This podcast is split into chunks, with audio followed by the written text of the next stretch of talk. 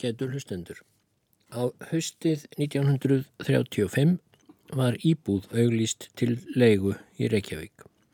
Hún var á besta staði í bænum sem þá var, á miðhæð í þrýbílisúsi við Solvallagötu, bísna stór og rúmgóð en það hugðu margir gott til glóðarinnar. Þegar vongóðir leyendur komu á Solvallagötun að skoða húsakinni tók á mótið þeim ungur maður og snarpur, rúmlega hálf þrítugur, upplýtstjarfur. Á efstuhæðinni bjó föðurbróður hans sem var einn frægasti ritthundur þjóðarinnar þótt sól hans væri mjög tekin að nýga á elli árum. Ungi maðurinn Eidur S. Kvaran virtist áreiðanleikin uppmálaður og ágætur undir að eiga. Hann skýrði vendanlegum leyendum frá því að hann hefði fengið lektorstöðu í mannfræðum við háskóla í Þískalandi og væri nú á förum til skildustarfa sinna.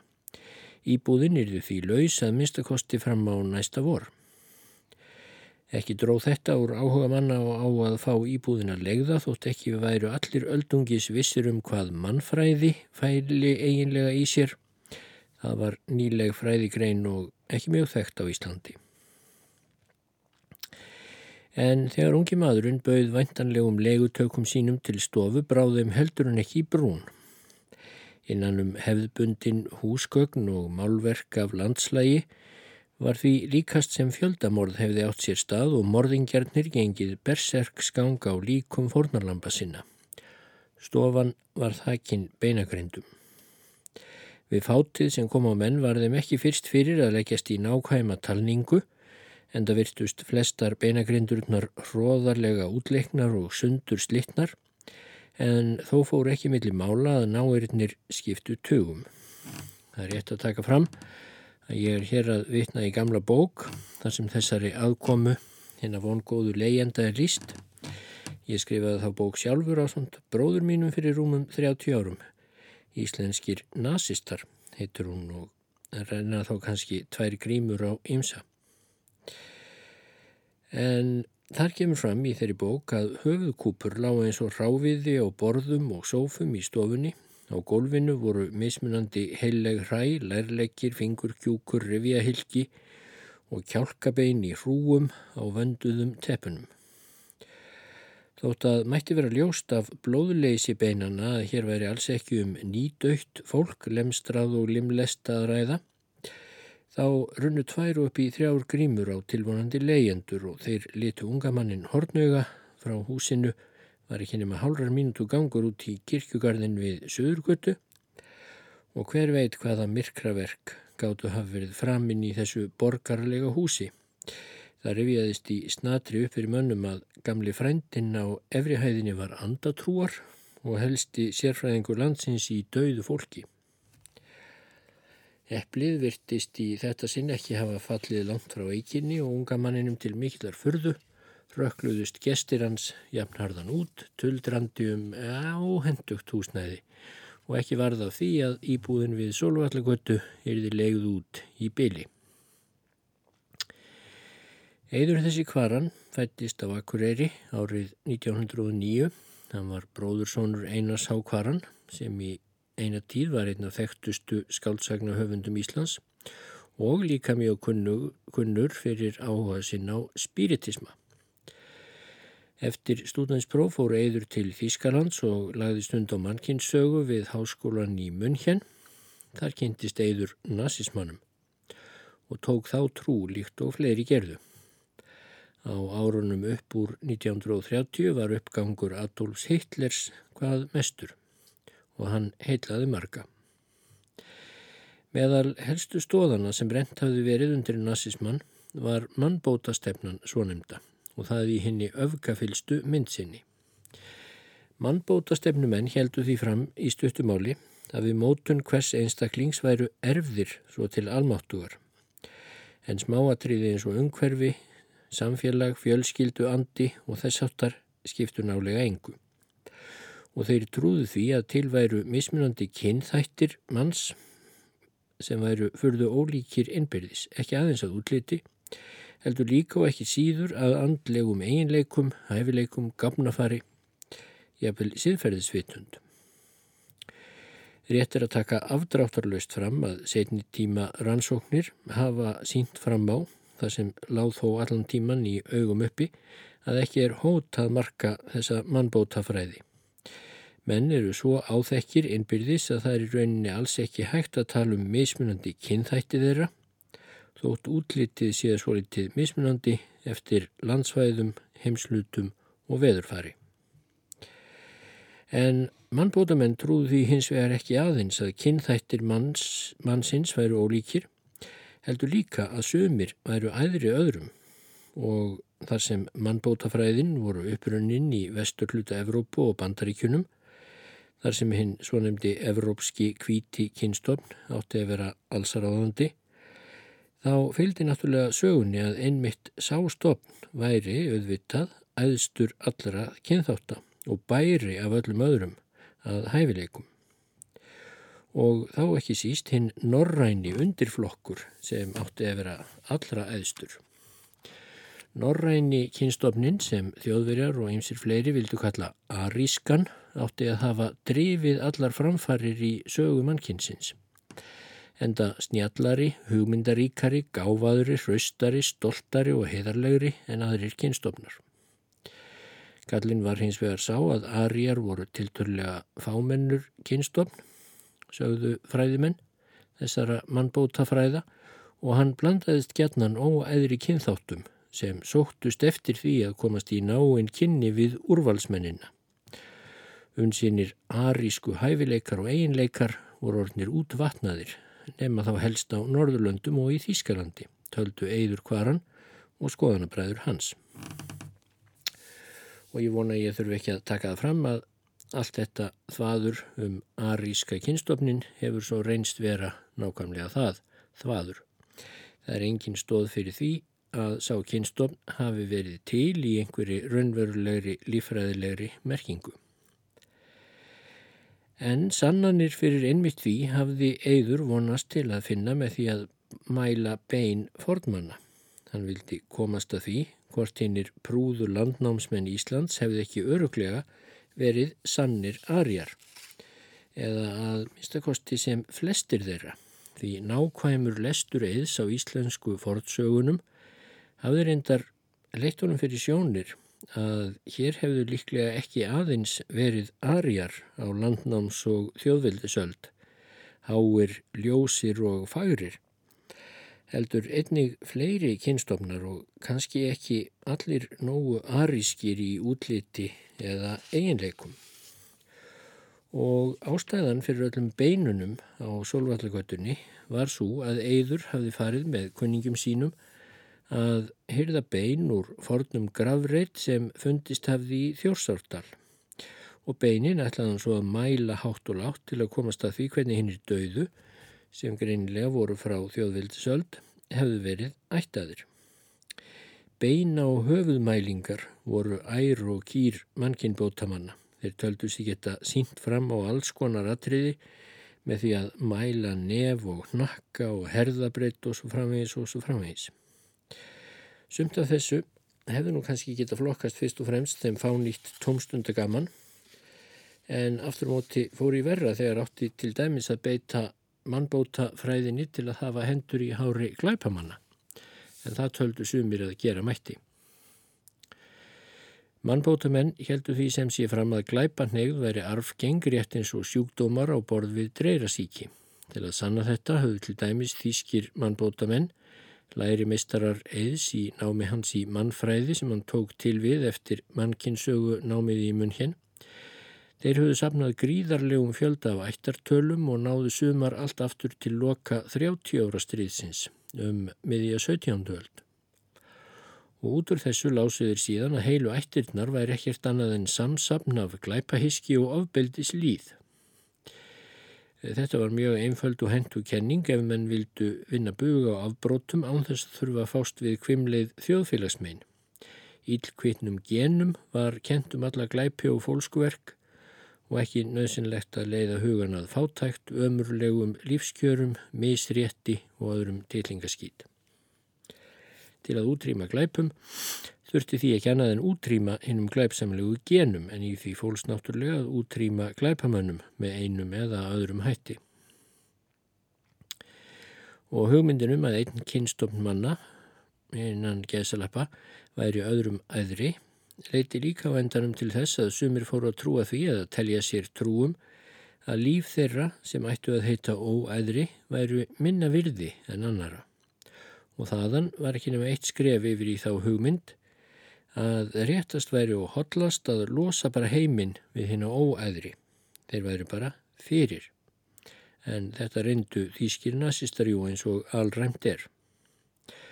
Allarleið þangað var eigður nú aldrei komin og reyndar lést hann úr Berglum snemma ársárið 1939 áður en til þess kom að hann þyrtti að horfast í augu við út í hvaða ógöngur þau myndu vísindi sem hann taldi sig aðhyllast höfðu leitt. En í sumarfríum sínum heima á Íslandi á fjórða áratögnum var Eidur ekkert að liggja á því sem hann hafi lært. Hann bóðaði orðið af stakri elju og ekki fór hjá því að margir hrifust af sannfæringarkrafti þessa unga og gáfaða og hámentaða eldhuga. Jarðvegurinn var líka víða fjór, frjór og eigður átti skoðanabræður sem höfðu eins og, þann, eins og hann numið ímsan þann fróð leikúr Þýskalandi sem þeim þótti góður og sannur.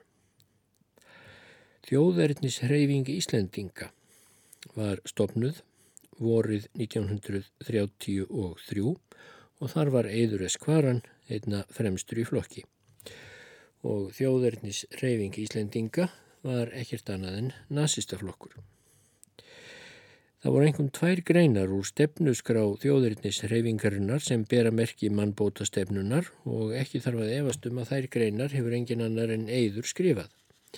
Þessar tvær greinar, hinn sjönda og áttunda, eru einmitt meðal þeirra sem bera hvað glegst enginni nazismans í allri stefnusgrá hinn að ungu íslensku nazista sem að hreyfingunni stóðu.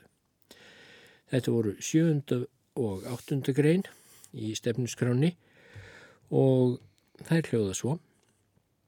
Við erum krefjumst að í helbriðismálum sé þess framar öllu gætt að kynstofnin spillist eigi af völdum arfgengra sjúkdóma Hilbrigði þjóðarinnar sé vernduð og eld á grundvelli mannkinsbóta fræðinnar, öðru nafni rassenhíkjeni eður júginik. Við er krefjumst að strangt eftirlit sé haft með næmum sjúkdómum sem engum eru hættulegir hilbrigði þjóðarinnar, svo sem berklaveiki og kynnsjúkdómar. Eður lagði sig allan fram um að vinna hugmyndum sínum fylgi í blaði þjóðurinsreifingarinnar. Hann byrti sumarið 1933 greinaflokk þar sem bar heitið Kynspilling og Varnir gegn henni og er sá greinaflokkur einn besta heimildin sem til er um skoðanir íslensku þjóðurinnisinnana í kynþáttamálum sem voru jú ekkert annað en skoðanir eðis kvaran, svo framarlega sem hann var í þessum málum í sínum flokki. Greinaflokk þennan mun eigður upphaflega hafa hugsta til flutnings í útvarpi en meiri hluti útvarpsráðs undir forsæti Helga Hjörvar kausað hafna erindi hans. Og verður það Helga Hjörvar og félögum til ævarandi hross að þeir skildu átt að segja á því að kynspilling og varnir gegn henni væri ekki brítn bóðskapur sem íslenska þjóðin þyrti að heyra þegar nazismin var að reysa sitt ljóta andlit út í Evrópu. Eður dóð þó ekki ráðalös og gaf hann greinina út sérprentaða, prýta hakakrossi á forsíðunni náttúrulega og sagði þar í eftirmála að orsök neitunar útvarpsráðs væri pólitísk hlutrækni og fáviska meirihlutans. Það er af beinunum á solvallagötu að segja að þegar Eidur helt af landi brott þá tók hann þau með sér og eftir að hann dó árið 1939 eins og áður sagði þá hurfu þau í Þýskalandi í umróti síðari heimsterjaldarinnar sem skall á skömmu eftir andlátt eðis.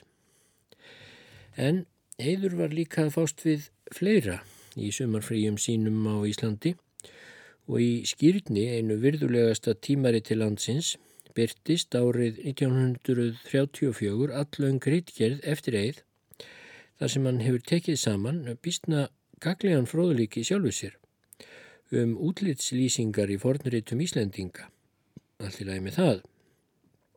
En tilgangur greinarinnar verðist þó ekki síður verið að sína fram á að höfundar Íslendingasagnana og annar fornrita hafi gert sér fulla grein fyrir ólíkum kynþáttum sem landið hafi byggt á sínum tíma og það sem meira er, hinn er fornuhöfundar virðist vera alveg sammála honum og kynbótamönnum 20. aldar um útlitt og eiginleika hinn að ólíku kynþátta sem hér á Íslandi hafi numið land.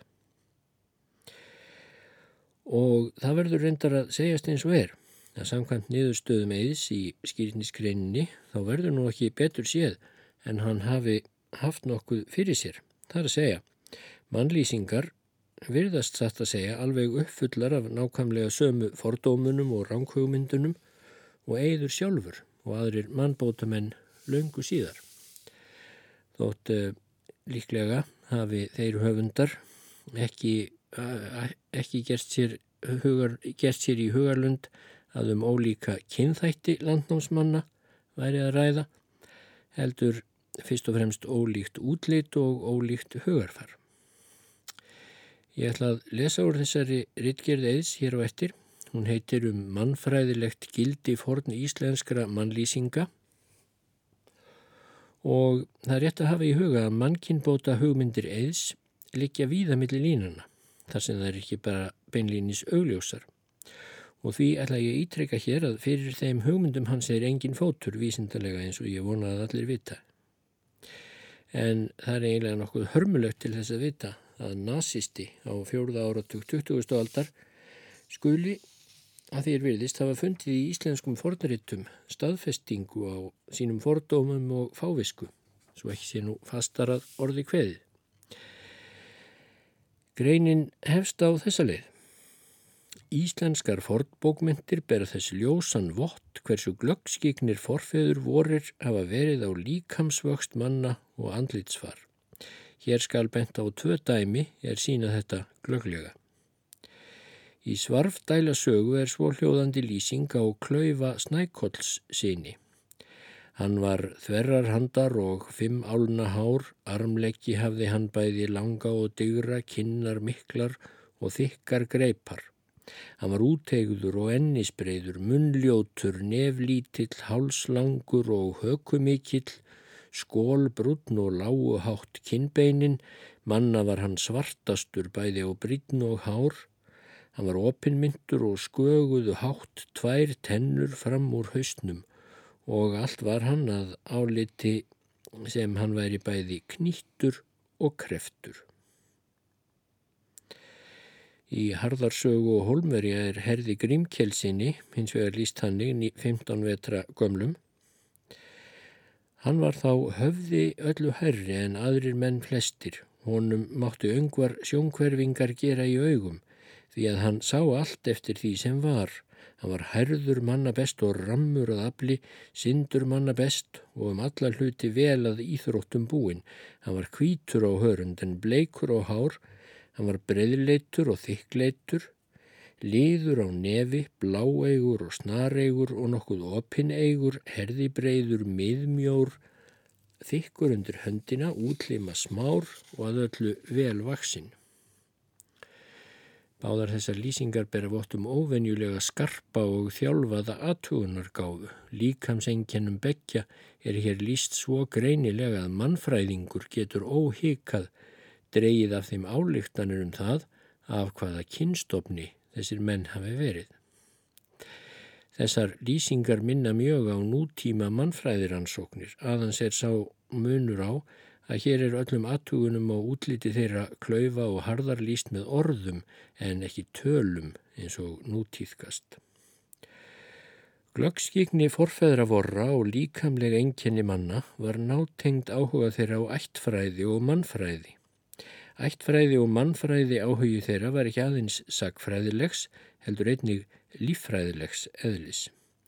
Það var ekki aðeins vitneskjan um ytri viðburði í lífi einstaklingsins sem vakti áhuga þeirra, heldur einnig líffræðilegir eiginleikar, ætterni þeirra.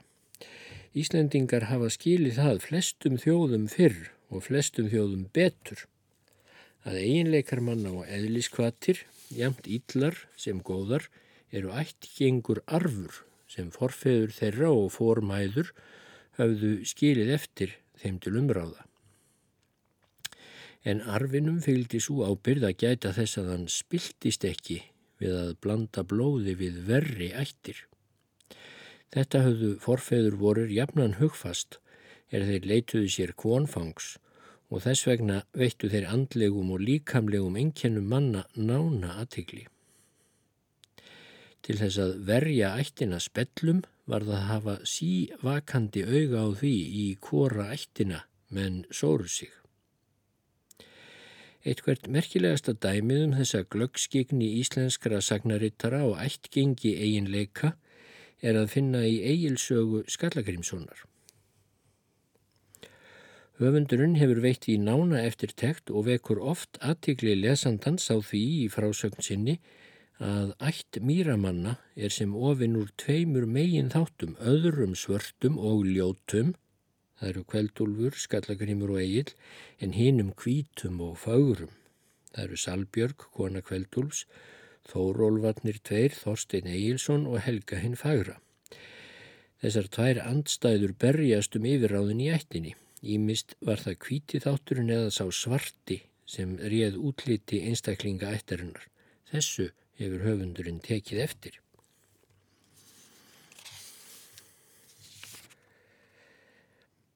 Heimildum þeim sem ég hef stuðst við í þessari rítgerð má skipta í tvo flokka.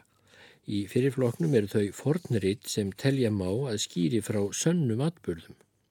En það eru þessi Íslendingasögur, Íslendingaþættir, heimskringla, sturlungasaga og biskupasögur hinnar eldri. Þessi heimildaflokkur geymir sæg lýsinga á líkamsenkjænum manna sem gera má ráð fyrir að hafi litið þannig út eins og þeim er líst í fornritunum. Í síðari floknum eru þær heimildir sem ekki hafa sagfræðilegt gildi, til dæmis fornaldar sögur Norðurlanda, Sæmundar Edda og Snorra Edda. Mér telst svo til að í þessum sögulegum heimildum séu raunverulegar mannlýsingar 174 að tölu.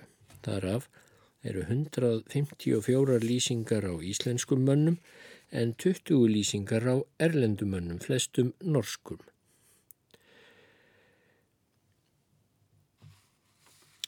Um líkamshæð er alls getið 126 sinum eða oftar en um nokkurt annað líkamlegt enkenni í sögunum. Af lýsingarorðum þeim sem notuð eru til að tákna líkamsvöxtin eru þessi algengust. Mikill, mikill maður vexti, hár maður vexti, manna lengstur, hár meðalmaður, ekki mikill vexti, meðalmaður vexti, lágur maður, lítill maður, lítill vexti.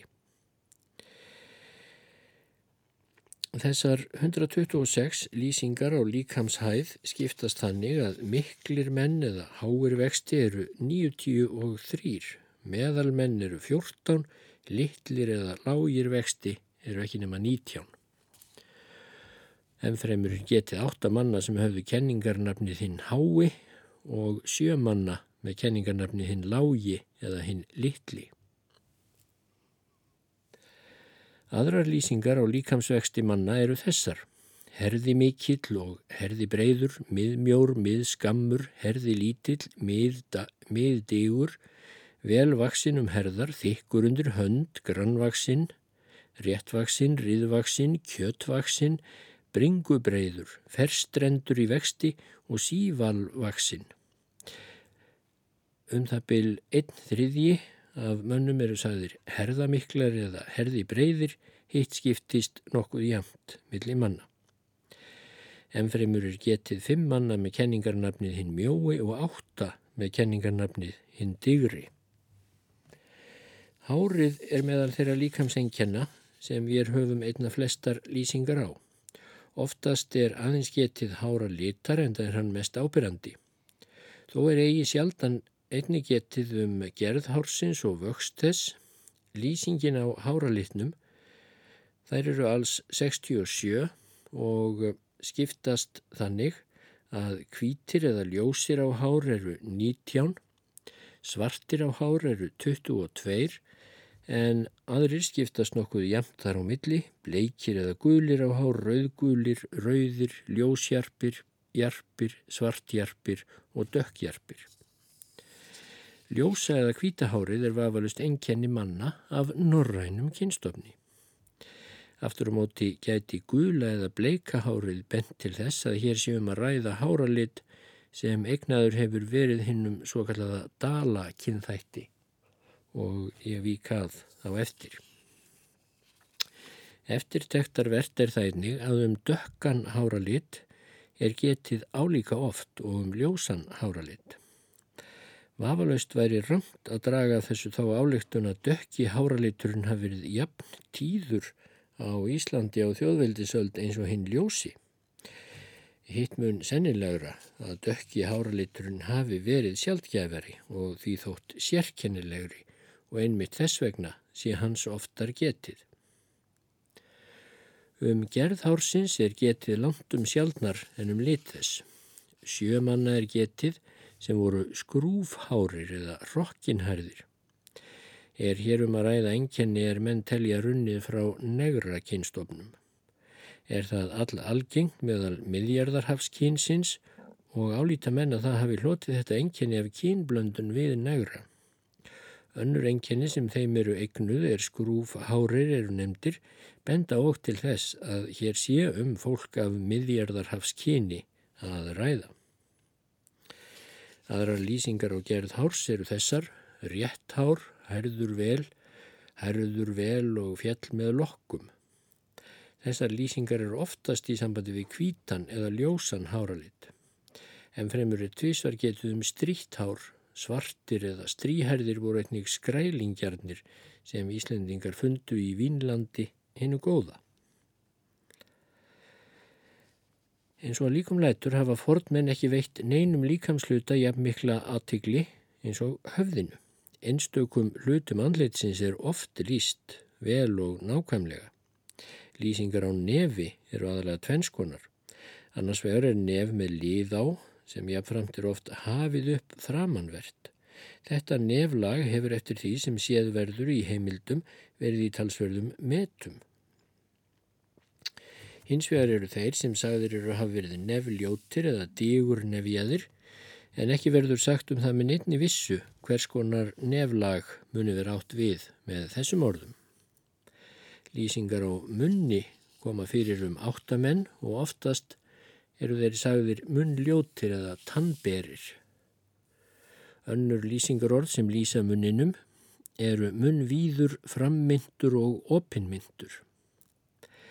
Lýsingar á augna lit koma fyrir sem hér segir, bláegir eru fjórir, faguregir eða bjartegir eru fimm en svartegir eru fjórir, rétt eins og bláegir. Þeir sem kallaðir eru faguregir eða bjartegðir hafa vafalaust haft ljós augu.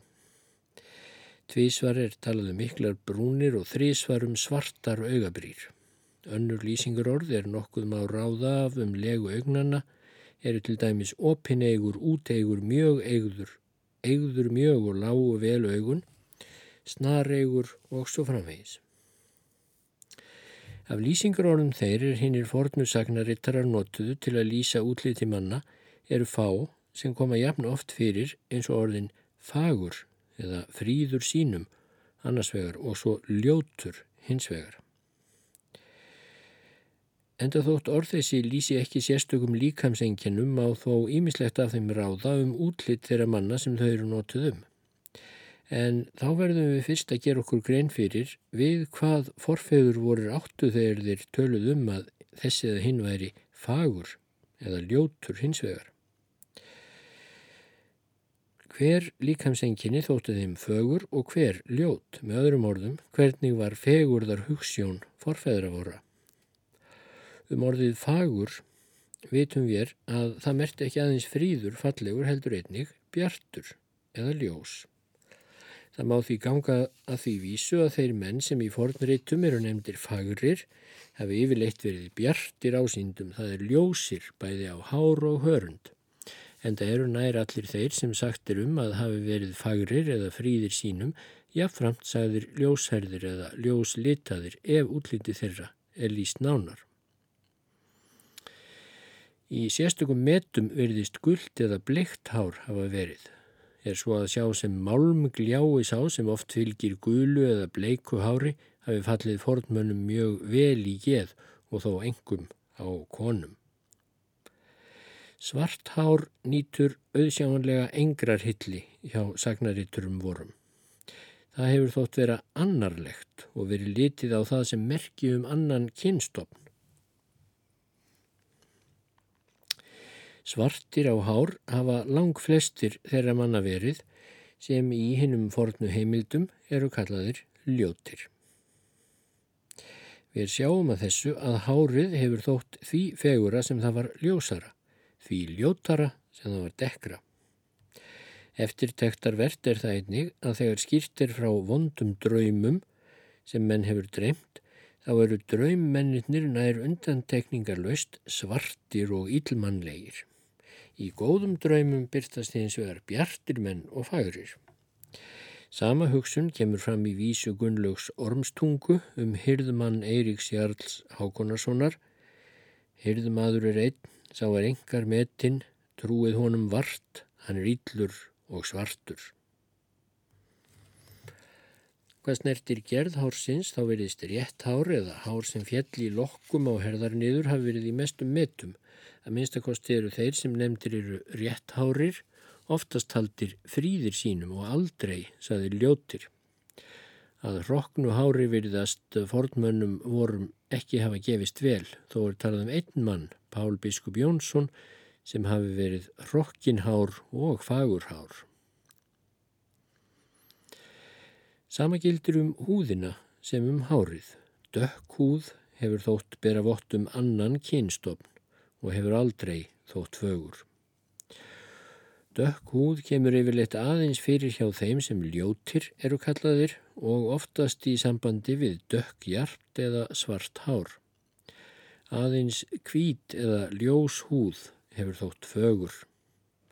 Allir þeir sem fagrir eru kallaðir hafa að örfa á myndanteknum hvíta húð ef útliti þeirra er á annað borð líst nánar.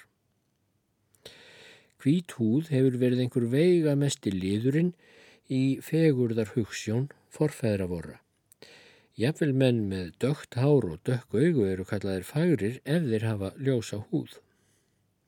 Ef fagrum augum er líst nánar þá eru þau nær undan tekningarlaust, björnt eða blá.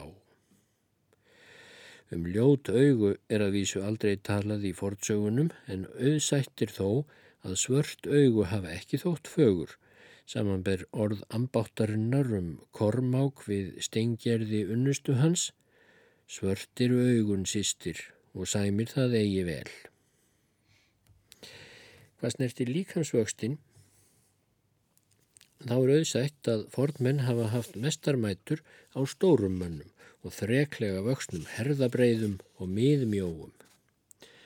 Mikilsvert er að þeir samsvöruðu sér vel, væru vel á sig komnir Stórir og klunnalegir útlimir, engum hendur og fætur, þóttum hennum ljótir. Hins vegar gast þeim vel að sterklegum hand og fótleggjum. En einnig þeir sem kallaðir eru meðalmenn vexti eða jafnvel litlir vexti eru oftaldir fríðir sínum. Aftur á móti eru margir af þeim sem kallaðir eru miklir vexti og sterkir, taldir ljótir en það eru þeir þá oftast jafnframt, svartir á hár og dökkir á hörund en þeir sem þykja bera af öðrum að fríðileik og glæsimensku eru ávalt miklir vexti. Af því sem nú hefur verið sagt um fegurðar hugssjón forfæðra vorra verður augljóst að hún hefur orðið fyrir langsterkustum áhrifum frá hennum norræna kynstofni. Nær öll þau líkamsenginni sem forfæðrum vorum hafa þótt fögur eru einmitt einkenni hins norræna kynstofns. Þeir sem ljótir eru kallaðir hafa því efalust verið af öðrum kynstofni. Af þessum á ráða að meiri hluti íslenskara landnámsmanna muni hafa verið af norrænum kynstöfni en þó nokkur hluti þeirra muni þó hafa verið af öðrum kynstöfni.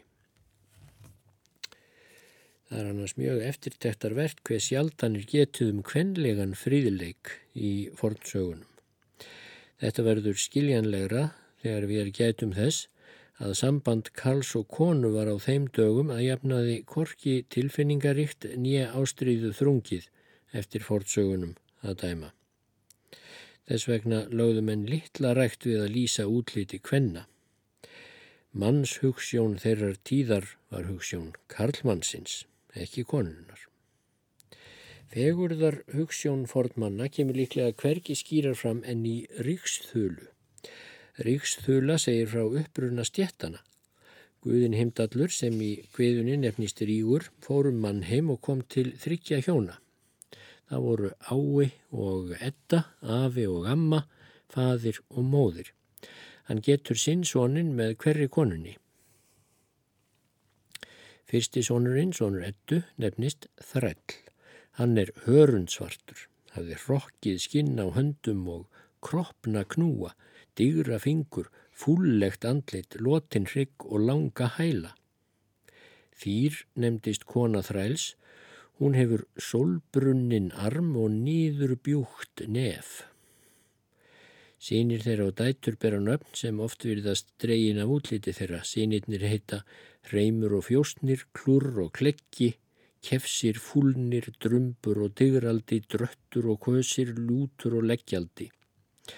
Dæturnar heita Drumba og Kumba, Ökvin Kálfa og Arinnemja, Ísja og Ambátt, Eikintjasna og Trönubeina. Og þaðan eru komnar þræla ættir, segir í kviðunni. Svonur ömmu hétt Karl, hann var rauður og rjóður, snör nefndist kona Karls og sínir þeirra voru halur og drengur, höldur, þegn, smiður, bóandi, bundinskeggi, búi, Dætur þeirra héttu Snót, Brúður, Svanni, Svarri, Sprakki, Sprund og Víf og þaðan eru komnir Karlaættir, segir í kveðunni, eða húskarla.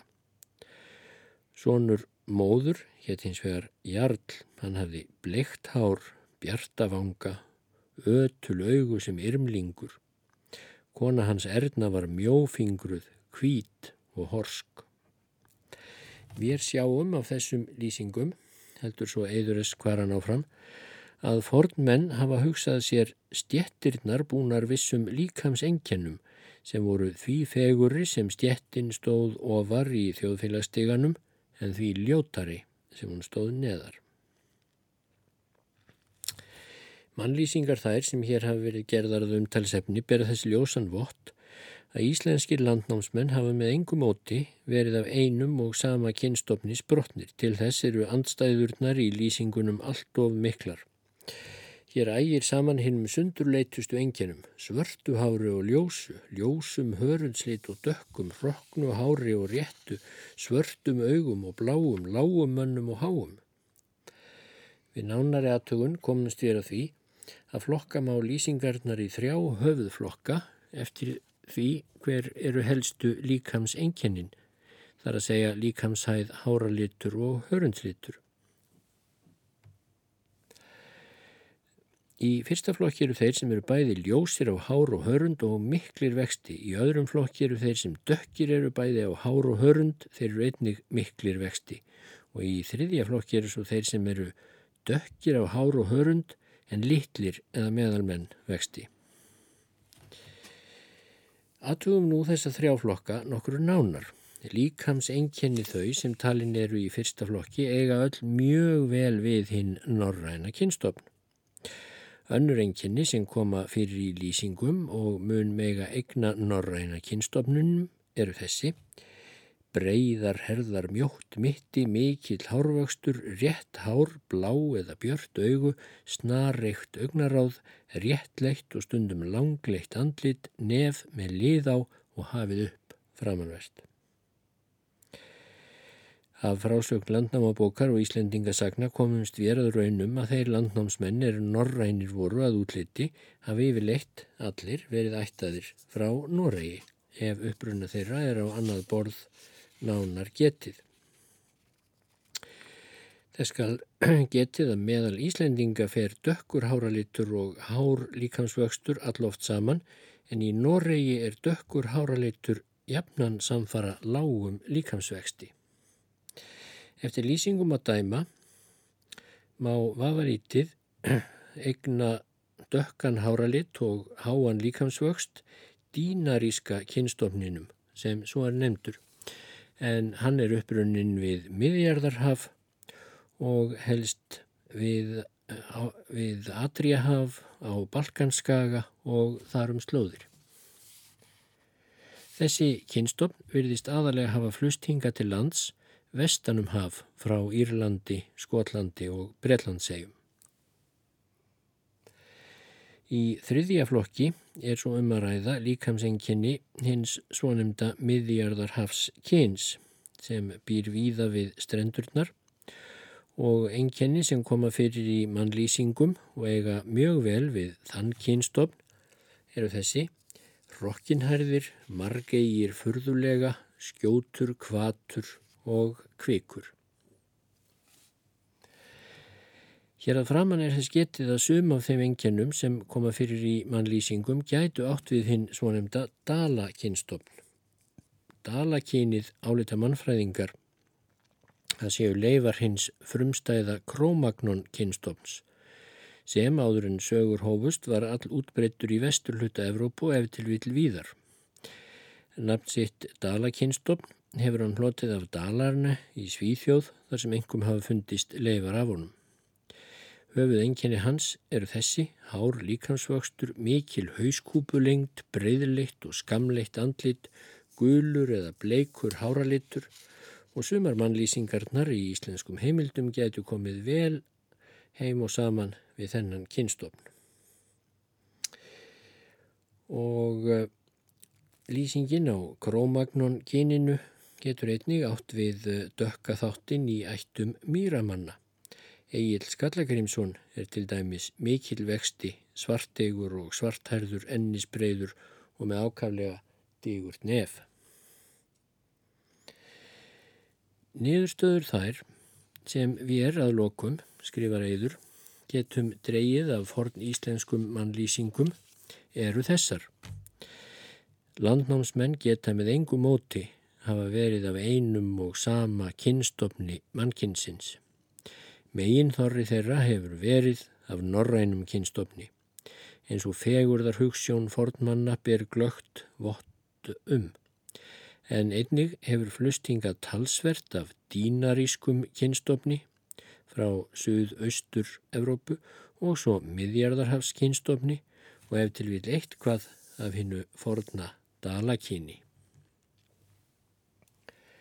Svo, svo mörg voru þau orð í skýritnisgrein Eðs S. Kvaran og það er ómögulegt annað en ljúka þessu á einni frægustu mannlýsingu úr Íslendingasögunum og líka þeirri sem fer hvað best saman við það sem Eður S. Kvaran telur að hafi verið fegurðar hugssjón norrætna manna á Íslandi á landnáms og þjóðveldis öld. Það er að sjálfsögðu lýsingin á Gunnari Hámundarsinni. Hún hljóðar svo. Gunnar Hámundarsson bjóðað hlýðarenda í fljótslýð. Hann var mikil maður vexti og sterkur og allra manna besti vígur. Hann hjó með báðum höndum og skaut ef hann vildi og hann vó svo skjótt með sverði að þrjú þóttu á lofti að sjá. Hann eh, skaut manna best af boga og hæfði allt það sem hann skaut til. Hann hljóp meir en hæð sína í öllum herrklæðum og ekki skemra aftur en framfyrir sig. Hann var syndur sem selur og eigi var sá leikur að nokkur þyrti við Gunnar að keppa og hefur svo verið sagt að enginn væri hans jafningi. Manna kurteisastur var Gunnar á hlýðarenda, harðger í öllu, ráðhollur og góðgjarn, mildur og stiltur vel, vinfastur og vinavandur, hann var vel auðugur að fjö. Hann var vætnað yfirliti og ljóslitaður, rétt nefið og hafið upp í framanvert, bláeigur og snareigur og rjóður í kinnum, hárið mikið gullt og fór vel.